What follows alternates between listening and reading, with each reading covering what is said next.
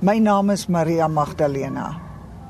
En alhoewel ek Majak genoem word, is dit 'n mispronunciation van 'n klein boetie. In die ou dae toe hulle my Maritjie genoem het. So toe word ek Majak. Maar Maria Magdalena het nog altyd in die skaduwees geskuil onder my naam, jy weet. En my werk gaan altyd oor 'n feministiese oogpunt wat die vroue liggaam en die godsdiens ondersoek en die verhouding tussen tussen die twee. Jy kan nie die geskiedenis van vroue lees uit 'n feministiese oogpunt sonder om ook die geskiedenis van religie, van godsdiens ook in ag te neem nie. So in my ondersoek van die vrou in die godsdiens, in ander woorde die heilige vrou, the the sacred female, the goddess. Mm. In my explorations of the goddess, I invariably come across people like Mary Magdalene and because we have the same name, I kind of take note of her when I come across her.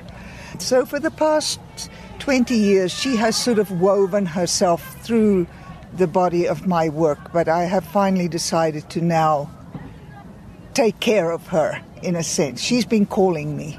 Dit is juis 'n volledige uitstalling van jou werk wat sedert 1997 strek. Ja. Hoekom het jy besluit om hierdie lang periode se werk uit te stal in plaas van net, net 'n sekere deel? Ja. ja. Omdat dit 'n proses is. Dit is 'n proses en dit is 'n pad. En uh, 'n mens verander oor die tydperk van daai pad. So ek hou van die idee van proses. Ek hou van die idee van dinge wat ongelyk begin raak. Die imperfeksie daarvan is vir my deel van die lewe. I never strive for perfection.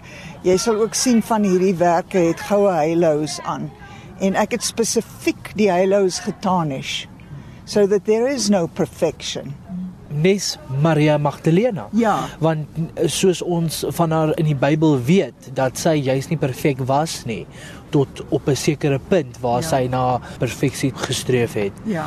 Vind jy dat dit ook so in jou lewe is?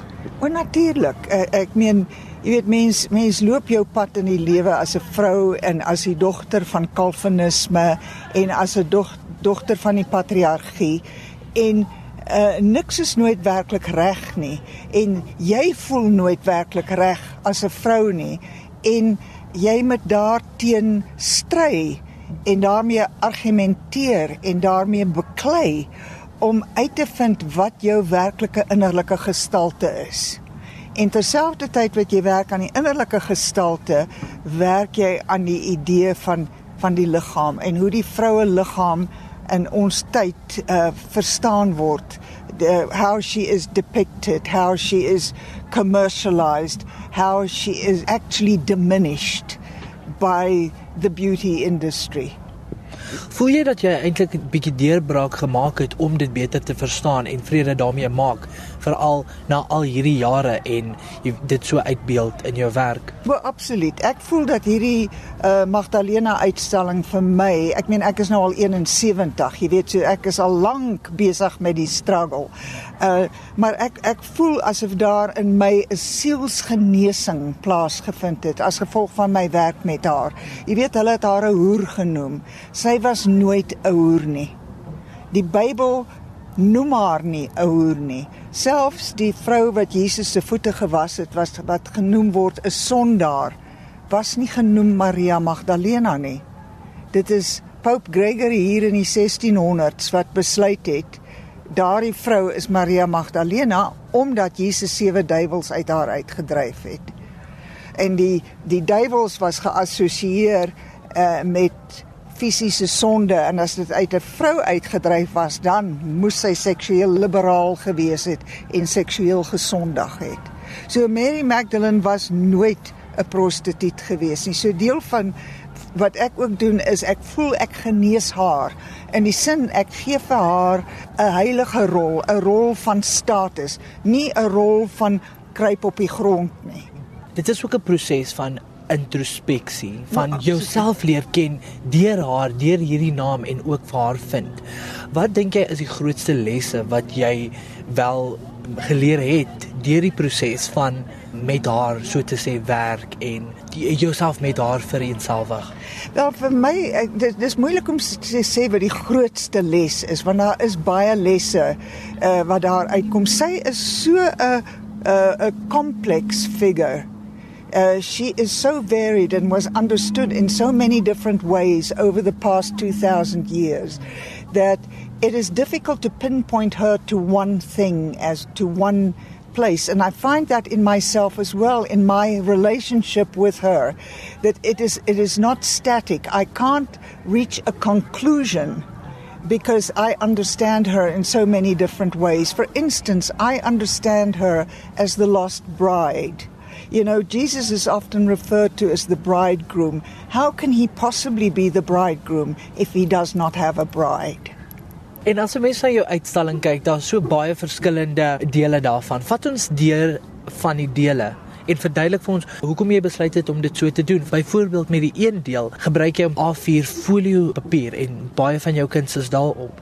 OK, die A4 folio grootte is wat ek noem my Codex Magdalene en dit spruit uit al my notas en navorsing wat ek oor die jaar oor haar gedoen het. Ek het omtrent so 'n stuk of 12 notaboeke waarin ek van tyd tot tyd goed skryf oor haar, goed wat ek leer oor haar, klein sketsies maak oor hoe ek dit miskien kan uitbeeld en so aan.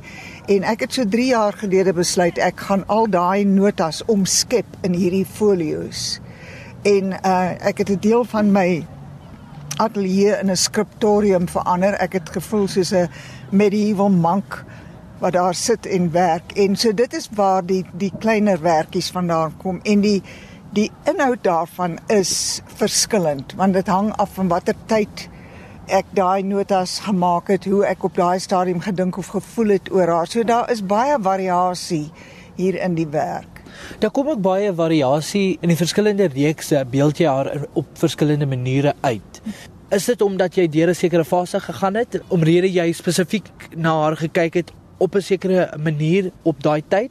Dis eintlik bietjie minder persoonlik as dit. Jy weet, uh ek doen baie navorsing en ek lees en die die uh variasie in die inhoud eintlik kom daar uit dat ek maak ontdekkings van haar. Ek voel amper soos wat ek lees oor haar uh in die kerk, in die geskiedenis, in die geloof, in die kuns al die uitbeeldings van haar ontdek ek nuwe aspekte van haar.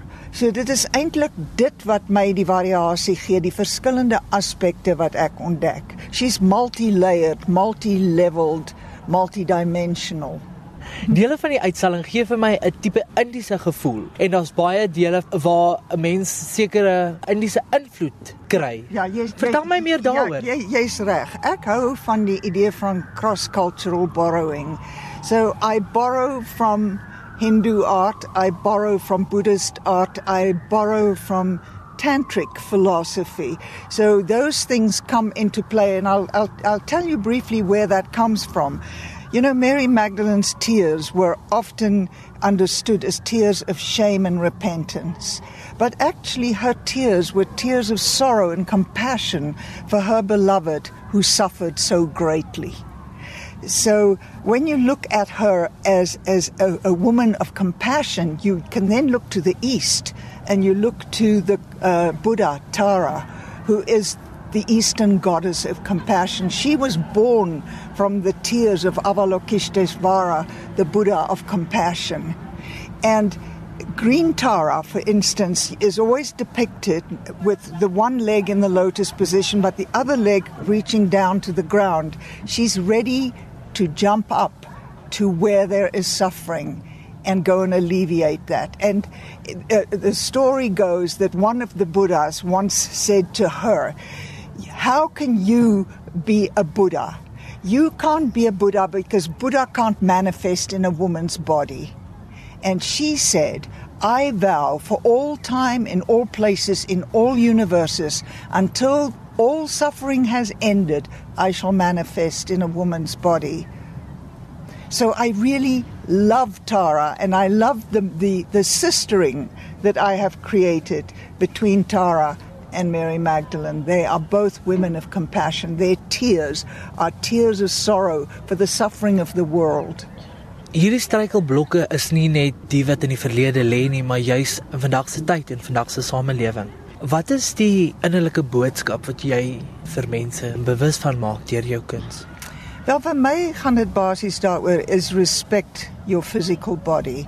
The church and also uh, Greek philosophy has done a big job of separating the exalted mind from the lowly body, or as in the church, the exalted spirit from the lowly and sinful body.